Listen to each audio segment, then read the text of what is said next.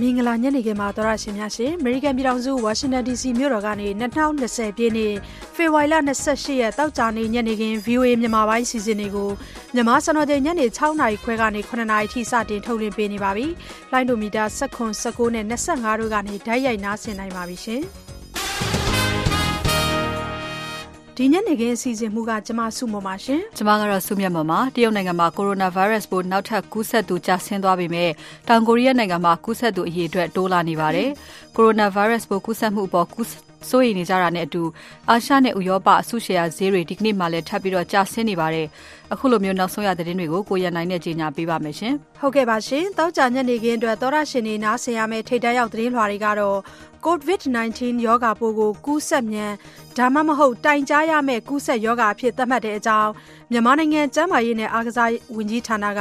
ဒီကနေ့ကြေညာလိုက်ပါတယ်။ ကျမတို့အနေနဲ့တိုင်ကြားတဲ့ယောဂါဆိုပြီးတော့မိတ်ထုတ်ပြန်လာပြီဆိုလို့ရှိရင်ဒါဆိုဒီယောဂါကဒါကိုတိုင်ကိုတိုင်ကြားရမယ်ဆိုတော့ဒီယောဂါဖြစ်ကြောင်းပြောလိုက်ဗဟိုကူးစက်ယောဂါတိုက်ဖြတ်ရေးဌာနဒုတိယညွှန်ကြားရေးမှူးဒေါက်တာခင်ခင်ကြီးပြောပြပေးခဲ့တာပါဒီသတင်းနောက်ပိုင်းမှာအပြည့်အစုံနားဆင်ရပါမယ်ရှင်ဒီသတင်းနဲ့အတူစစ်ဖြစ်နေတဲ့ရခိုင်ပြည်နယ်မင်းပြားမြို့နယ်ထဲမှာတော့တက်မတော်ရေရင်ကိုရခိုင်တိုင်းရင်းသားလက်နက်ကိုင်တပ်ကဒီကနေ့မနက်ပိုင်းပြစ်ခတ်တိုက်ခိုက်ခဲ့တယ်လို့နှစ်ဖက်စလုံးကအတီးပြုပြောဆိုလိုက်တဲ့အကြောင်းနဲ့အတူရခိုင်ပြည်နယ်ကစစ်ဘေးစစ်ရှောင်စခန်းတွေစီကိုကိုယ်တိုင်သွားခဲ့တဲ့ VOA မြန်မာပိုင်းရဲ့ editor နဲ့ဆက်သွယ်မေးမြန်းချက်ကိုလည်းနောက်ပိုင်းမှာနားဆင်ရပါမယ်ရှင်အခုရင်ဆုံးကတော့တောက်ကြညနေခင်းအတွက်နောက်ဆုံးသိထားတဲ့သတင်းတွေကိုမဆုမြတ်မွန်နဲ့ကိုရနိုင်တို့တင်ဆက်ပေးကြပါလိမ့်မယ်ရှင်တရုတ်နိုင်ငံမှာကိုရိုနာဗိုင်းရပ်စ်ပိုးနောက်ထပ်ကူးစက်သူကျဆင်းသွားပြီမဲ့တောင်ကိုရီးယားနိုင်ငံမှာတော့ကူးစက်သူအရေအတွက်တိုးလာနေပါတယ်။ တောက်ကြနေ့အစောပိုင်းအထိတရုတ်မှာနောက်ထပ်ပိုးကူးစက်သူ329ယောက်ရှိပြီးတော့44ယောက်သေဆုံးတယ်လို့တရုတ်ကျန်းမာရေးကော်မရှင်ကပြောပါတယ်။ဒီအရေအတွက်ဟာတလကျော်အတွင်းမှာပိုးကူးစက်သူအရေအတွက်အနည်းဆုံးဖြစ်ပါတယ်။တောင်ကိုရီးယားမှာတော့ virus ပိုးကူးစက်သူစုစုပေါင်း2000ကျော်သေသွားကျော်သွားပြီးတော့တေဆုံးသူကလည်း73ယောက်ရှိပါတယ်။စိုးရိမ်နေကြတဲ့ဆိုးမျိုးတော်ကဒေသခံတွေဟာရှားပါးနေပြီဖြစ်တဲ့နှာခေါင်းစည်းတွေဝယ်နိုင်ဖို့အတွက်ရောင်းတဲ့ဆိုင်မှာတန်းအခြေကြီးစီပြီးတော့စောင့်ဆိုင်းခဲ့ကြပါတယ် 어, 공급이 부족할까 봐 걱정했는데 지금은 다섯 개 사서 만족을 하고 나라에서 နှာခေါင်းစည်းအကာအကွယ်တွေရောင်းကုန်သွားမှစိတ်ပူနေတာအခုတော့တယောက်ကိုနှာခေါင်းစည်း၅ခုအကန့်အသတ်နဲ့ရောင်းနေဆိုလို့လာဝယ်တာဖြစ်တယ်လို့ဆိုးမျိုးကအင်ရှင်မတယောက်ပြောသွားတာပါတရုတ်နိုင်ငံပြီးရင်ပိုးကူးစက်သူအများဆုံးကတောင်ကိုရီးယားနိုင်ငံမှာဖြစ်ပါတယ်အမေရိကန်ပြည်ထောင်စုမှာလည်းဘလို့ကနေကူးစက်မှန်းမသိတဲ့ပထမဆုံးပိုးကူးစက်သူရှိနေတယ်လို့တာဝန်ရှိသူတွေကပြောကြားခဲ့ပါတယ် ကယ်လီဖိုးနီးယားပြည်နယ်မြောက်ပိုင်းကအမျိုးသမီးတယောက်ဟာအမေရိကန်နိုင်ငံအပြင်ဘက်ကိုခရီးမသွားခဲ့သလိုပိုးကူးစက်နေသူတဦးတယောက်နဲ့မှလည်းထိတွေ့ခဲ့ခြင်းမရှိဘူးလို့ကျန်းမာရေးတာဝန်ရှိသူတွေကကြာသပတေးနေ့ကပြောကြားပါတယ်။သမ္မတ Donald Trump ကတော့အမေရိကန်နိုင်ငံထဲမှာပိုးကူးစက်ပြန့်နှံ့နိုင်ခြေသိပ်နည်းတယ်လို့ပြောကြားထားပါတယ်။ကိုရိုနာဗိုင်းရပ်စ်ပိုးစတင်ကူးတဲ့တရုတ်နိုင်ငံအပြင်တခြားနိုင်ငံတွေမှာပိုးကူးစက်နေတာအပေါ်အင်မတန်စိုးရိမ်တယ်လို့ WHO ကမ္ဘာ့ကျန်းမာရေးအဖွဲ့အကြီးအကဲကတော့ပြောပါတယ်။ အာရှ၊ဥရောပနဲ့အရှေ့အလယ်ပိုင်းဒေသနိုင်ငံ၄၅နိုင်ငံထက်မနည်းမှာကိုရိုနာဗိုင်းရပ်စ်ပိုးကူးစက်မှုတွေရှိနေပြီးပိုးကူးစက်မှုထိန်းနိုင်ဖို့ဆောင်ရွက်မှုတွေကိုလုပ်နေကြပါတယ်။နယူးဇီလန်နိုင်ငံမှာလည်း COVID-19 ရောဂါဖြစ်နေသူပထမဆုံးတွေ့ရှိတယ်လို့ဒီကနေ့ကြေညာပါတယ်။နိုင်ဂျီးရီးယား၊လစ်သူယေးနီးယား၊အက်စတိုးနီးယားစတဲ့နိုင်ငံတွေမှာလည်းကိုရိုနာဗိုင်းရပ်စ်ပိုးကူးစက်နေသူတွေရှိနေပါတယ်။ဒီကနေ့အထိကမ္ဘာတဝန်းကိုရိုနာဗိုင်းရပ်စ်ပိုးကူးစက်နေသူ၈သောင်း၃ထောင်ကျော်ရှိနေပြီး 2800ထက်မနည်းသေဆုံးခဲ့ပါတယ်။အများစုကတော့တရုတ်နိုင်ငံထဲမှာဖြစ်ပါတယ်ရှင်။ကိုရိုနာဗိုင်းရပ်စ်စတင်ဖြစ်ပွားခဲ့တဲ့တရုတ်နိုင်ငံဝူဟန်မြို့ကနေကယ်ထုတ်လာခဲ့တဲ့အမေရိကန်နိုင်ငံသားတွေနဲ့ထိတွေ့ဆက်ဆံခဲ့ရတဲ့အမေရိကန်ကျန်းမာရေးနဲ့လူမှုဝန်ထမ်းဌာနကဝန်ထမ်းတွေဟာသေချာလေ့ကျင့်ပြင်ဆင်ထားခြင်းမရှိဘူးလို့သတင်းပေးဖွင့်ကြားသူတဦးကပြောကြောင်းအမေရိကန်ရဲ့ထိပ်တန်းသတင်းစာကြီးတွေကဖော်ပြလိုက်ပါတယ်။ ကျန်းမာရေးဝန်ထမ်းတွေကိုသေချာလေ့ကျင့်သင်တန်းပေးထားတာမရှိသလိုကာကွယ်နိုင်တဲ့ပစ္စည်းတွေကိုလည်းသေချာလုပ်ဆောင်ပေးထားတာမရှိဘူးလို့သူကပြောပါတယ်။ဒီသတင်းကိုအမည်မဖော်လိုတဲ့အမေရိကန်ကျန်းမာရေးနဲ့လူမှုဝန်ထမ်းဌာနအကြီးတန်းတာဝန်ရှိသူတဦးကဖွင့်ချခဲ့တာဖြစ်တယ်ဆိုပြီး Washington Post သတင်းစာကဖော်ပြပါတယ်။အဲဒီလူကအလုပ်သမားတွေရောဂါကူးစက်ခံရနိုင်ခြေနဲ့ပတ်သက်ပြီးစိုးရိမ်ကြောင်းပြောတဲ့အတွက်သူ့ကိုတခြားနေရာတခုကိုရွှေ့ပစ်လိုက်တယ်လို့လည်းဆိုပါတယ်။သူ့အနေနဲ့မတ်လ၅ရက်နေ့မတိုင်ခင်ဒီရာထူးကိုလက်ခံမလားဒါမှမဟုတ်ရာထူးကနေဖြုတ်တာခံမလားဆိုတာကို ပြောကြောင်း Washington Post က ဖော်ပြပါတယ်။ကျန်းမာရေးဌာနဝန်ထမ်းတွေဟာ ရောဂါကာကွယ်ထိန်းချုပ်ရေးဌာန CDC က ဝန်ထမ်းတွေနဲ့အတူ လုပ်ခဲ့ရပြီး CDC ဝန်ထမ်းတွေကတော့ ရောဂါကာကွယ်နိုင်ဖို့အတွက် လက်အိတ်တွေ၊မျက်နှာဖုံးတွေနဲ့ ရောဂါကာကွယ်တဲ့ ဝတ်စုံတွေ အပြည့်ဝတ်ထားတယ်လို့ အဆိုပါပုဂ္ဂိုလ်က ပြောပါတယ်။ဒါပေမယ့်ကျန်းမာရေးဌာန ဝန်ထမ်းတွေကိုတော့ တာဝန်ထမ်းဆောင်ချိန်မှာရော၊တာဝန်တွေ ပြီးဆုံးသွားတဲ့အချိန်မှာရော ဗိုင်းရပ်စ်ပိုးကူးစက်မှု ရှိမရှိ စမ်းသပ်စစ်ဆေးတာတွေ၊စောင့်ကြည့်တာတွေ မရှိခဲ့ဘူးလို့ သူကပြောကြောင်း Washington Post က ဖော်ပြပါတယ်။ကျန်းမာရေး ဌာနရဲ့ပြောခွင့်ရကတော့သတင်းပေးဖွင့်ချသူတွေရဲ့တိုင်တန်းမှုတွေကိုသူတို့အနေနဲ့အလေးနက်ထားကင်တွယ်ဖြေရှင်းနေပြီးတော့သတင်းပေးဖွင့်ဖွင့်ချသူကိုလည်းဒီသူတို့ကိုအကာအကွယ်ပေးရမယ်အဲ့ဥပဒေတိုင်းအကာအကွယ်ပေးနေတယ်လို့ Washington Post ကိုပြောကြားခဲ့ပါတယ်ခင်ဗျာ နိုင်ငံအများပြားမှာကိုရိုနာဗိုင်းရပ်စ်ပိုးကူးစက်မှုအပေါ် စိုးရိမ်နေကြတာနဲ့အတူ အာရှနဲ့ ဥရောပ အစုရှယ်ယာဈေးတွေ ဒီကနေ့မှလည်း ထပ်ကျဆင်းနေပါတယ်။ဟောင်ကောင် Hang Seng အညွှန်းကိန်းတန်ဖိုးဟာ ဒီကနေ့အစောပိုင်း ဈေးကွက်ဖွင့်ချိန်မှာ2.3ရာခိုင်နှုန်းလောက်ကျဆင်းခဲ့ပါတယ်။ Shanghai, Seoul နဲ့ Sydney အစုရှယ်ယာဈေးကွက်တွေမှာလည်း 3ရာခိုင်နှုန်းကျော်ဈေးတွေကျခဲ့ပါတယ်။ဂျာမနီနိုင်ငံမှာလည်းဈေးကွက်ဖွင့်ပြီးပထမနာရီပိုင်းအတွင်းမှာပဲ DAX အစုရှယ်ယာအညွှန်းကိန်းတန်ဖိုး4ရာခိုင်နှုန်းကျော်ကျဆင်းခဲ့ပါတယ်။ပြီးခဲ့တဲ့သောကြာနေ့ကဆိုရင် DAX တန်ဖိုးစုစုပေါင်း12ရာခိုင်နှုန်းကျဆင်းခဲ့တာဖြစ်ပြီးတော့2011ခုနှစ် Greek နိုင်ငံအကျွေးပြဿနာဖြစ်ခဲ့ချိန်ကဆိုရင်အဆိုးဆုံးဆုံးရှုံးမှုဖြစ်ပါတယ်။ လန်ဒန်အစုရှယ်ယာဈေးကွက်မှာလည်း ဒီမနက် FTSE အညွှန်းကိန်းဈေးဟာ3ရာခိုင်နှုန်းကျော်ဈေးကျပါတယ်။အမေရိကန်မှာ ကြာသပတေးနေ့ဈေးကွက်ပိတ်ချိန်မှာ Dow Jones အညွှန်းကိန်းတန်ဖိုးဟာ စံချိန်တင်အောင်လို့4ရာခိုင်နှုန်းကျော်ဈေးအကျနဲ့ ဈေးပိတ်ခဲ့တာပါ။ကမ္ဘာမှာ ဘဏ္ဍာရေးအကျပ်အတည်းနဲ့ ရင်ဆိုင်ခဲ့ရတဲ့2008ခုနှစ်ထဲကဆိုရင် အဆိုးဆုံးသတင်းပတ်ဖြစ်မယ်လို့ ဈေးကွက်လေ့လာသူတွေက ခန့်မှန်းထားကြပါတယ်။တစ်ချိန်တည်းမှာပဲ ဂျပန်နိုင်ငံကကြော်ကြားတဲ့ Tokyo Disneyland ကစားကွင်းကြီးကိုသတင်းနှစ်ပတ် ပိတ်ထားမယ်လို့ ကြေညာပါတယ်။ Tokyo Disneyland နဲ့ Disney Sea ကစားကွင်းကြီးတွေကိုစနေနေ့ကစပြီးမတ်လ15ရက်နေ့အထိပိတ်ထားမယ်လို့ Oriental Land ကုမ္ပဏီကဒီကနေ့ကြေညာပါတယ်။ Coronavirus ပိုးကူးစက်ပျံ့နှံ့မှာစိုးရိမ်တဲ့အတွက်ကျောင်းတွေကိုနွေဦးပေါက်ကျောင်းပိတ်ရက်တွေနဲ့ဆက်ပြီး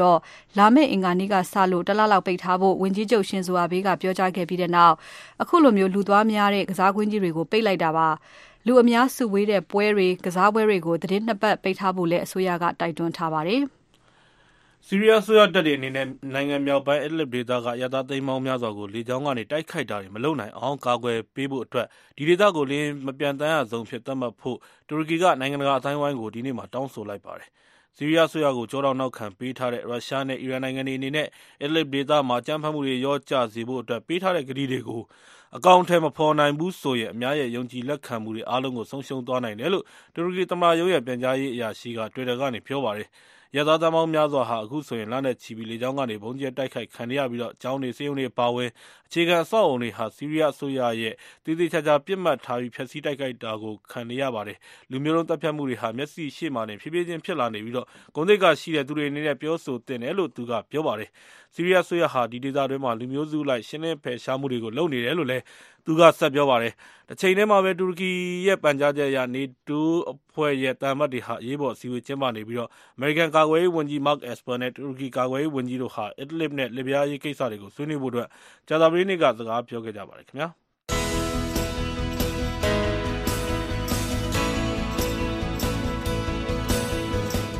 VOA အမေရိကန်တန်ညနေဘက် မြန်မာဘာသာအစီအစဉ်တွေကို ညနေ6နာရီခွဲကနေ ညနေ9နာရီထိ လိုင်းဒိုမီတာ7 kHz 10683ည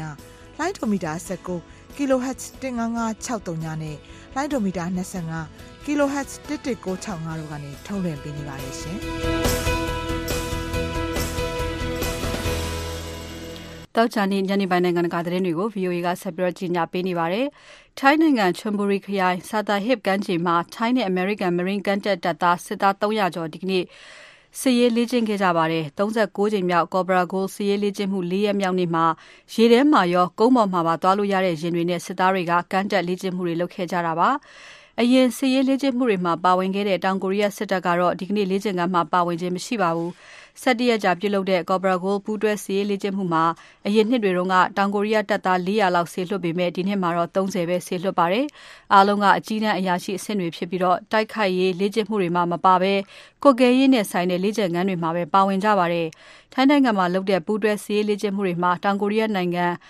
အိုဆန်းလေတပ်ခြေစိုက်စခန်းကအမေရိကန်စစ်သည်150လောက်ပါဝင်တယ်လို့ American Marine ကမ်းတက်တပ်ဖွဲ့ဗိုလ်ကြီး Josh Arthur ကပြောပါတယ်။သူတို့အားလုံးကိုတောင်ကိုရီးယားကမထွက်ခွာခင်မှာရောထိုင်းနိုင်ငံကိုရောက်တဲ့အခါမှာပါကျန်းမာရေးစစ်ဆေးမှုတွေကိုလုပ်ခဲ့ပါတယ်။ Coronavirus ပိုးကူးစက်ပြန့်ပွား ဖြစ်နေချိန်မို့ပုံမှန်တားဆီးကာကွယ်ရေးဆောင်ရွက်မှုတွေအပြင်အပိုဆေးဝန်ထမ်း35ယောက်ကိုတာဝန်ပေးထားသလိုဆေးဘက်ဆိုင်ရာပစ္စည်းတွေကိုလည်းလိုတာထက်ပိုပြီးအသင့်ပြင်ဆင်ထားကြပါတယ်။ထိုင်းနဲ့ American စစ်တပ်ဦးစီးပူးတွဲပြုလုပ်တဲ့ Cobra Gold စစ်ရေးလေ့ကျင့်မှုဟာ အာရှ Pacific ဒေသမှာ အကြီးဆုံးဖြစ်ပါတယ်။၁၁ ရက်ကြာတဲ့ စစ်ရေးလေ့ကျင့်မှုတွေအတွင်း စစ်သား9000ကျော်ပါဝင်ပြီးတော့စစ်ရေးလေ့ကျင့်မှု လူသားချင်းစာနာမှုဆိုင်ရာ အကူအညီပေးတဲ့ လေ့ကျင့်မှုစိုက်ဘာလုံခြုံရေး လေ့ကျင့်မှုတွေကို လေ့ကျင့်ကြတာဖြစ်ပါတယ်။မြန်မာနိုင်ငံကလည်း ဒီနှစ်လေးလာတဲ့10နိုင်ငံထဲမှာ ပါဝင်ပါတယ်။တောင်ကိုရီးယားနိုင်ငံမှာ ကိုရိုနာဗိုင်းရပ်စ်ကူးစက်မှုတွေ အလျင်အမြန်ဖြစ်လာနေတာကြောင့် အဲဒီမှာရှိတဲ့ အမေရိကန်တပ်တွေဟာ ကိုရိုနာဗိုင်းရပ်စ်ကူးစက်မှု အန္တရာယ်နဲ့ ရင်ဆိုင်နေရသလို အမေရိကန်နဲ့ တောင်ကိုရီးယားကြားမှာ အမေရိကန်တပ်တွေရဲ့ ကုန်ကျစရိတ်အငြင်းပွားမှုတွေကြောင့် အမေရိကန်စစ်စခန်းတွေမှာအလုပ်လုပ်နေတဲ့တောင်ကိုရီးယားအလုပ်သမားတွေအလုပ်မဆင်းဘဲအိမ်မှာပဲနေရမယ့်အခြေအနေနဲ့လည်းရင်ဆိုင်နေရပါတယ်။တောင်ကိုရီးယားမှာရှိတဲ့အမေရိကန်စစ်အခြေစိုက်စခန်းကတပ်ဖွဲ့ဝင်တဦးနဲ့အဲဒီစစ်စခန်းတွေကိုလာတဲ့သူနှစ်ဦးမှာကိုရိုနာဗိုင်းရပ်စ်ပိုးကူးစက်ခံရပြီးတဲ့နောက်မှာတော့အဲဒီမှာရောဂါသတိပေးချက်တွေကိုလည်းအမြင့်ဆုံးထုတ်ပြန်ထားပါတယ်။အဲဒီလိုအခြေအနေတွေကြောင့်နှစ်နိုင်ငံပူးတွဲစစ်ရေးလေ့ကျင့်မှုကိုဆိုင်းငံ့ထားလိုက်ပြီးစစ်အခြေစိုက်စခန်းကိုလာတဲ့သူတွေကိုလည်း ကိုယ်ပူချိန်တိုင်းတာတွေ၊တခြားစစ်ဆေးစောင့်ကြည့်တာတွေလုပ်ခဲ့သလို တပ်ဖွဲ့တွေကိုလည်း စစ်စခန်းအတွင်းကနေ အပြင်မထွက်ဖို့ ကန့်သတ်လိုက်ပါတယ်။ နောက်ထပ်သီးခြားဖြစ်စဉ်တခုမှာတော့တောင်ကိုရီးယားကအမေရိကန်တပ်တွေရဲ့ကုန်ကျစရိတ်နဲ့ပတ်သက်ပြီးနှစ်ဘက်အစိုးရကြားသဘောတူညီမှုမရဘူးဆိုရင်အဲဒီမှာအလုပ်လုပ်နေတဲ့တောင်ကိုရီးယားအလုပ်သမား၉,၀၀၀ဟာတလအတွင်းအလုပ်မဆင်းဘဲနေရနိုင်တယ်လို့အမေရိကန်စစ်တပ်ကဒီနေ့ပြောလိုက်ပါတယ်။ဟောင်ကောင်မှာလူသိများတဲ့ဒီမိုကရေစီရေးလှုပ်ရှားသူ၃ယောက်ကိုတရားမဝင်စုဝေးမှုနဲ့ရဲကဒီနေ့အစောပိုင်းကဖမ်းဆီးခဲ့ပါတယ်။ပြည်မကြီးအစိုးရကိုပွင့်ပွင့်လင်းလင်းဝေဖန်လေ့ရှိသူမီဒီယာလုပ်ငန်းရှင် Jimmy Lai ၊လွှတ်တော်အမတ်ဟောင်း Lee Cheuk-yang နဲ့ Yong Som တို့ကို ပြီးခဲ့တဲ့နှစ် August လတုန်းက Wan Chai အရပ်ကချီတက်ဆန္ဒပြပွဲမှာပါဝင်မှုနဲ့ဖမ်းဆီးတာပါ။သူတို့၃ယောက်စလုံးမေလ၅ရက်နေ့ရုံးချိန်းလာရမယ်လို့ရဲကပြောပါတယ်။ VOA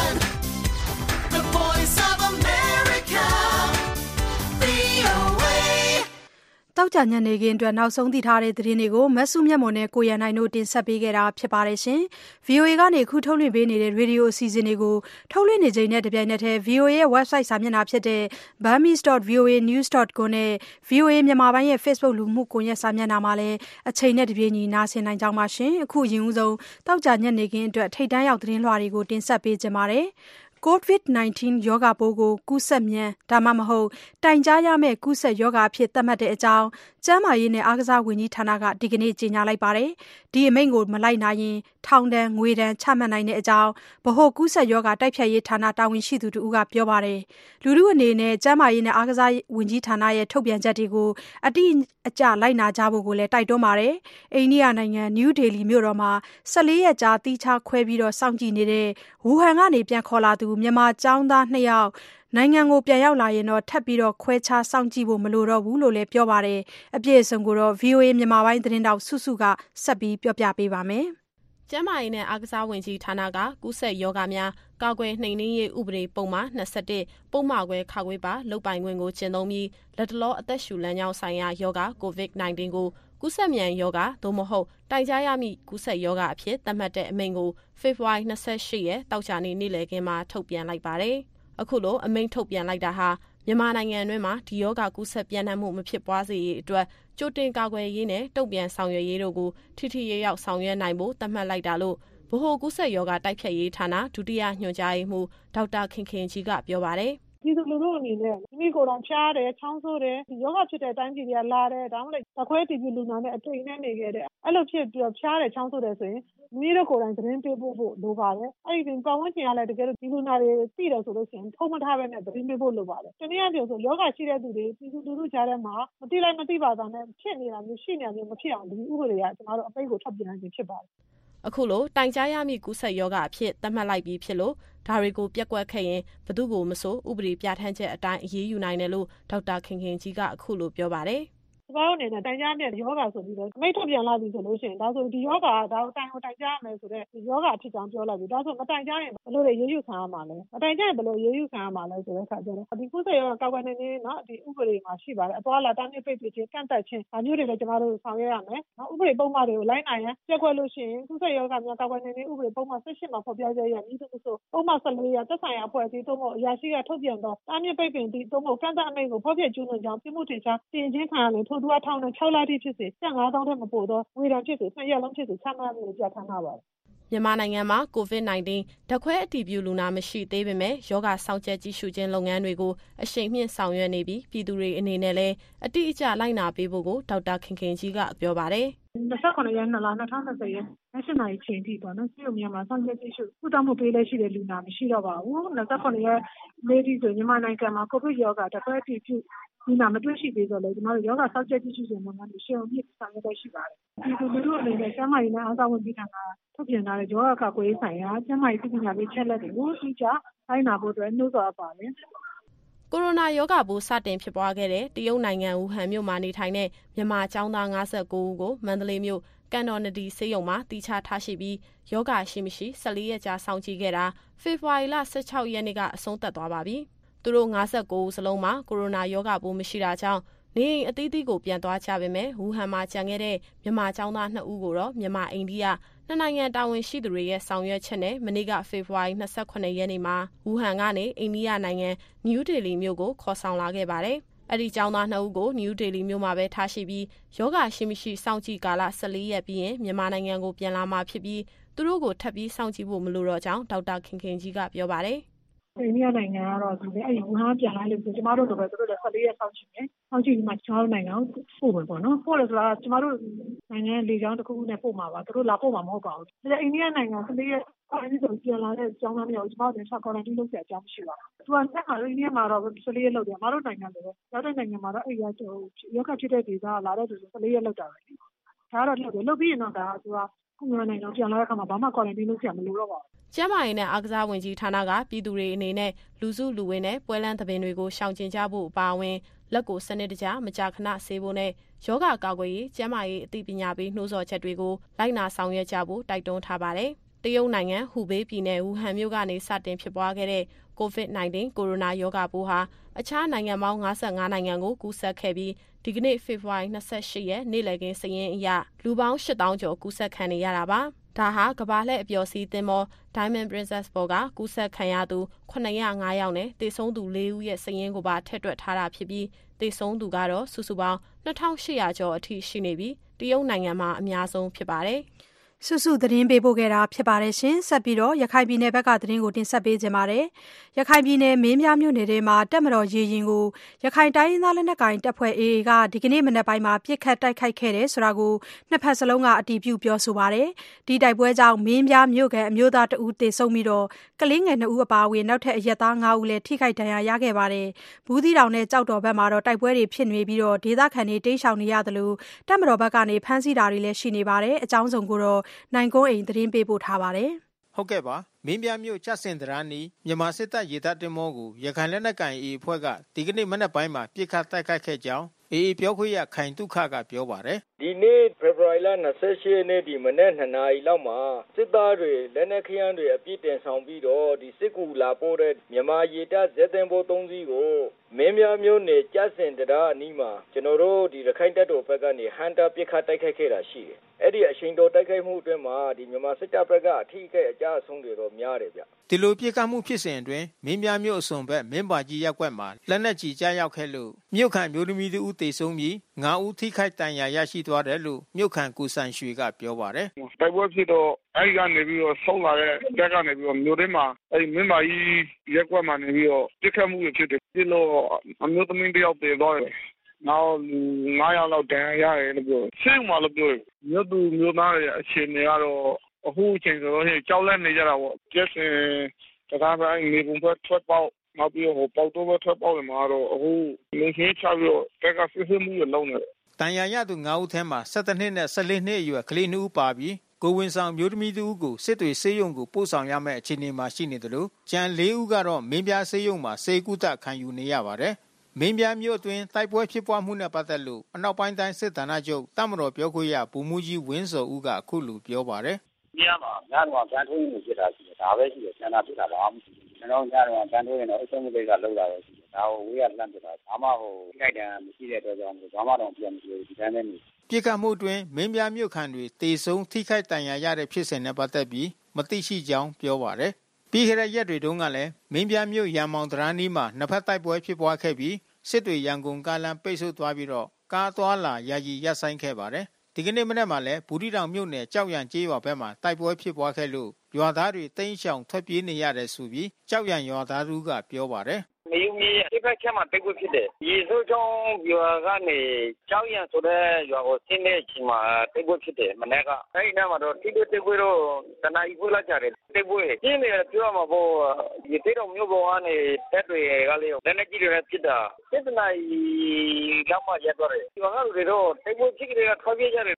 ဒါအပြင်ကြောက်တော်ပလဲဝရေချောင်းသွားဆက်လီ၅စီးကိုလည်းကြောက်တော်မြို့အနီးတမတော်ကတားဆီးပြီးတော့စစ်ဆေးခဲ့ရမှာ ပလက်ဝမြို့နယ်က ရခိုင်လူငယ်ညီလာခံ AYC ကိုယ်စားလှယ် ကိုကျော်လှနဲ့ ဘူးတီတောင်မြို့နယ်ကမျိုးသားတဦးကို တပ်မတော်က ဖမ်းဆီးသွားတယ်လို့ ရခိုင်လူငယ်ညီလာခံ AYC တာဝန်ရှိသူတူဖြစ်တဲ့ ကိုဝင်းစော်က ပြောပါတယ် မနေ့က ကိုကျော်လာတော့ကကြောက်တူကို သူတို့သွားတယ်နော် အဲ့ချိန်ကမတင်မောက်ရမ်းမှာပြစ်ခတ်မှုတွေဖြစ်ပြီးတော့ SL ကိုရက်ခိုင်းတယ်ရက်ခိုင်းပြီးတော့ သူတို့ကတချို့မျိုးသမီးတွေကကြာကျန်တဲ့ ခရီးတွေက ထွက်လိုက်တယ် ကိုကျော်လာရဲ့နောက်ဘူးဒီတောင်က လူတွေတယောက်ကိုတော့ ဖမ်းဆီးသွားတယ်ပေါ့နော်သူတို့အဲ ကြောက်တော့တဲ့ဘက်ကို ဖမ်းဆီးသွားတယ်လို့ အဲ့လိုသတင်းရတယ်ခင်ဗျ ရခိုင်ပြည်နယ်မြောက်ပိုင်းဒေသတွင်မြန်မာစစ်တပ်နဲ့ ရခိုင်လက်နက်ကိုင်အေဖွဲ့တို့ တိုက်ပွဲဖြစ်ပွားနေတာတစ်နှစ်ကျော် ကြာမြင့်လာသလို တိုက်ပွဲရဲ့ နောက်ဆက်တွဲဖြစ် ထိခိုက်ဒဏ်ရာရသူ အရတာ230ကျော်တေဆုံးသူ120ကျော်နဲ့တန်တရားနဲ့ဖမ်းဆီးခံရသူ300ကျော်ရှိမယ်လို့ ရခိုင်ရဖွဲ့ဖွဲ့စည်းတွေက ဒီနေ့စမ်းမှာစည်ရင်ကောက်ယူထားပါတယ်ခင်ဗျာဒါကတော့ရခိုင်ပြည်နယ်ဘက်ကစီရေးအခြေအနေ နိုင်ကိုရင်သတင်းပေးပို့ခဲ့တာ ဖြစ်ပါတယ်ရှင်။ သောရရှင်များရှင်ကျမတို့ရဲ့ VOA မြန်မာဌာနရဲ့အယ်ဒီတာတူဖြစ်တဲ့ဒေါခင်မျိုးသက်ဟာအစိုးရပြန်ကြားရေးဌာနရဲ့အစီအစဉ်နဲ့အခုလက်ရှိမှာတော့ရခိုင်ပြည်နယ်ဘက်ကိုရောက်ရှိနေပါတယ်။သူ့အပါအဝင်သတင်းမီဒီယာသမားတွေဒီကနေ့ဘယ်တွေကိုသွားပြီးတော့ဘာတွေသိခဲ့ရတယ်ဆိုတာကိုမကြခင်အချိန်ပိုင်းတွင်းကပဲဆက်သွယ်မေးမြန်းထားပါတယ်။ဒီကနေ့သူရောက်ခဲ့တဲ့နေရာတွေကိုဒေါခင်မျိုးသက်ကအခုလိုစပြီးပြောပြပါတယ်။ဒီကနေ့က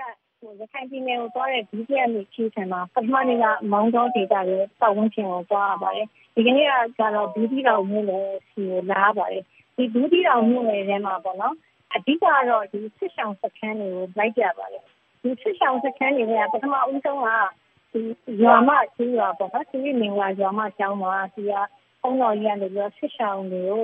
ဒီပညာသင်နေတဲ့စစ်ရှောင်တွေအတွက်ကိုပညာဒါနလုပ်ပြီးနေတဲ့အခြေအနေတွေကိုရှင်းပြပါတယ်။နောက်တစ်နေရာကျတော့ဟိုတော့နမ်းမ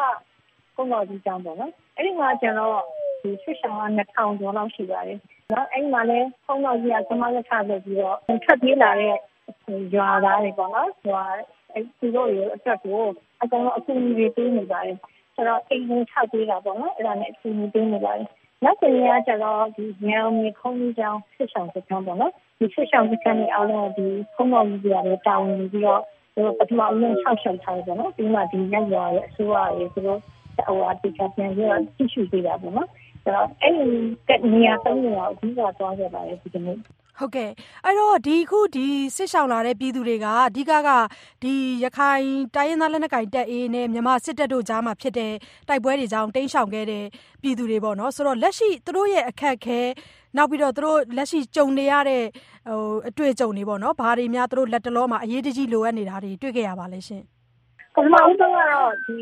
အခမဲ့ပညာဒါနပေးနေတဲ့အကြောင်းမှာတွေ့ရတာဆိုကျောင်းသားကျောင်းသူတွေရဲ့ဒီကိုယ်ဝန်စီမံတွေပေါ့နော်သူတို့ဟာဒီစစ်ခွဲတွေကြောက်ပေါ့နော်အနကန်ပညာရေးမှာပဋိကောက်တွေဖြစ်ပြီးဒုက္ခတွေရောက်နေကြတာတွေ့ရပါတယ်နောက်ပြီးတော့နေထိုင်ရအစားပေါ့နော်အဆင်မပြေကြပါဘူးနောက်တစ်နေရာကျတော့လေဒီဟိုဟာပေါ့နော်ဟိုအင်ယာရီတော့ဟိုဟာ ဘုန်းကြီးကျောင်းကနေပြီးတော့မှစေတနာရှိတဲ့လူတွေနဲ့ဆုတောင်းပြီးတော့အင်လေးတွေထောက်ပေးထားပါတယ်။ဒါပေမဲ့လည်းသူတို့အအဓိကတော့အမျိုးသမီးလေးတွေပေါ့နော်။ဒီစစ်ဆောင်စခန်းထဲမှာနေရတာသူတို့ကမလုံးမချုံနဲ့ပေါ့နော်။စိတ်မလုံးမချုံနဲ့ဖြစ်နေတာတွေတွေ့ရပါတယ်။ဘုန်းတော်ကြီးတွေကဒီစစ်ဆောင်တွေတက်ကိုတခြားလုပ်ပြီးပါတယ်လုပ်ပြီးတယ်သူတို့ချိန်မှာကဒီတနေ့ပေါ့နော်အစိုးရထောက်ပံ့တဲ့ဥစ္စာဘယ်လိုချန်နေလဲဟိုဟာစားပြတော့ဆိုတာလည်းအဆင်ပြေပေါ့နော် ဆန်လည်းရှိပြီးတော့တခြားအသုံးဆောင်တွေကျတော့ကိုယ်ကိုယ်ပဲပုံနေရတာအဲ့တော့အဆင်မပြေကြဘူးအလုပ်တိုင်ရလည်းရှာလို့မရဘူးဆိုတော့သူတို့တွေကအဓိကတော့သူတို့ရွာကိုပဲသူတို့ပြန်ကျင်းနေပါလေဒီစစ်စစ်ကြီးကိုမြန်မြန်ပြီးနေခြင်းလေလို့အကုန်လုံးကပြောကြပါတယ်ဟုတ်ကဲ့ပါရှင်အဲ့တော့လက်တလောသူတို့နေနေရရင်ပြန်မှုအခြေအနေအနေထားကရောဘယ်လိုများမြင်ခဲ့ပါလဲရှင်သူတို့နေရရင်ပြန်မှုကကျတော့အခုတည်းကတချို့ဆိုရွာရဲ့လုံးဝဟိုဟိုဟာလုံးဝဖြစ်စီနေပါပြီ ဒါပေမဲ့အဲ့မှာလည်းတိုက်ပွဲရဆက်ဖြစ်နေတော့တချို့ဆိုလို့ရှိရင်နှစ်နှစ်သုံးနှစ်ရှိနေနေကြတာလေဆိုတော့အခုတည်းကလည်းဟိုမပြန်နိုင်ကြသေးဘူးတော့စစ်ပွဲမပြီးမချင်းမပြန်နိုင်ဆိုတော့စစ်ကလည်းဘယ်တော့မှပြီးမှမပြီးဖြစ်နေတော့သူတို့ကအနောင်ကြီးကတော့စိတ်မအေးကြပါဟုတ်ကဲ့ပါရှင်အဲ့တော့အနီဒေါခင်မျိုးသက်တို့မနှက်ဖြန်အတွက်ကောဘာများအစီအစဉ်တွေရှိပါလဲရှင်ဘယ်တွေများဆက်ပြီးတော့သွားပြီးလေ့လာဖို့ရှိပါလဲမနှက်ဖြန်တော့ဒီ ဟောလေမောင်တော်ကနေပြီးတော့အမှုမော်ဘက်ကိုဆက်ပြီးတော့ဒီစစ်ကိမျိုးပြန်မှာပါစစ်ကိရဲ့နားမှာလည်းဒီတက်ကျေပြန်ဆိုတဲ့ဒက်တာတွေစကန်ရှိပါတယ်အခုတည်းကဒီစကန်ကြီးကနှစ်တည်ကြတယ်မပိတ်သိမ်းနိုင်ဘူးပေါ့နော်ဒါကိုတော့ပြောလေ့လာဖို့ရှိပါတယ်ဒါကတော့ရခိုင်ပြည်နယ်ကိုရောက်ရှိနေတဲ့ကျမတို့ရဲ့ VOA editor ဒေါက်ခင်မျိုးသက်ကိုဆက်သွယ်မေးမြန်းခဲ့တာဖြစ်ပါတယ်ရှင်။အခုဆက်ပြီးတော့သောရရှင်တွေကိုမနက်ဖြန်စနေညဓာတ်လေလိုက်အစီအစဉ်မှာဆွေးနွေးမယ့်အကြောင်းအရာနဲ့မိတ်ဆက်ပေးပါရစေရှင်။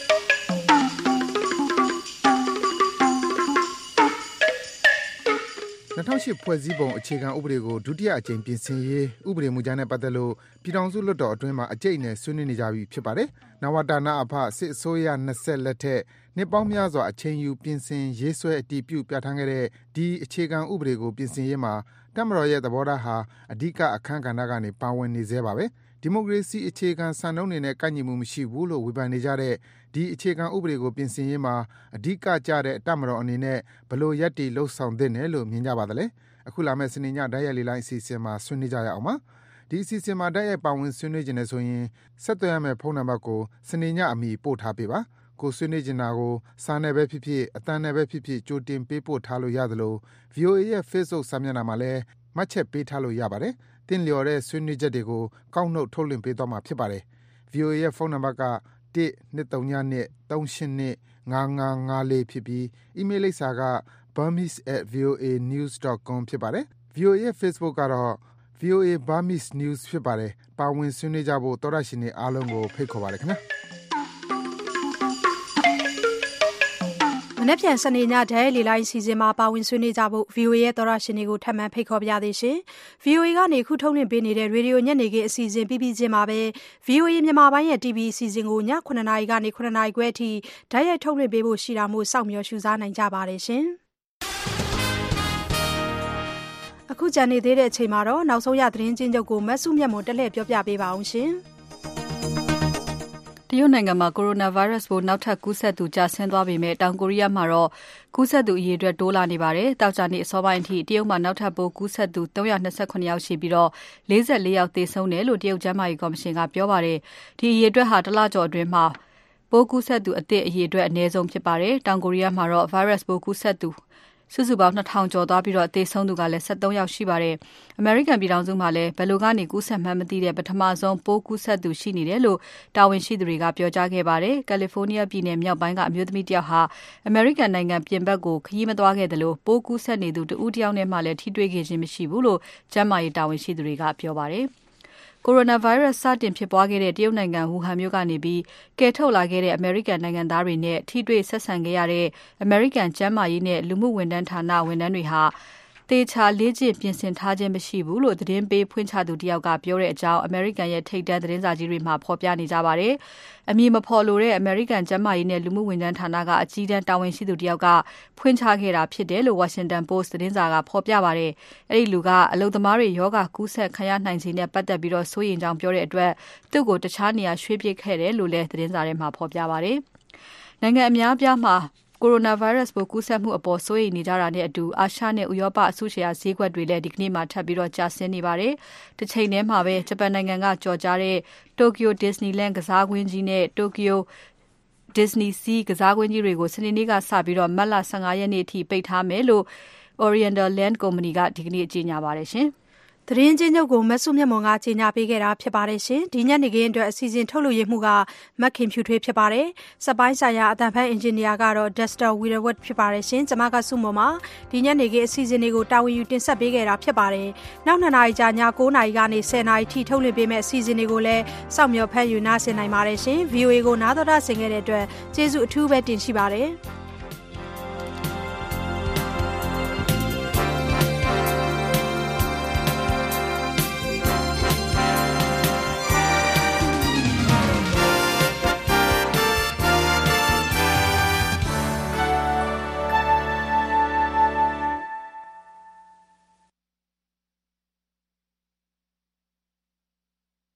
This program has come to you from the Voice of America, Washington.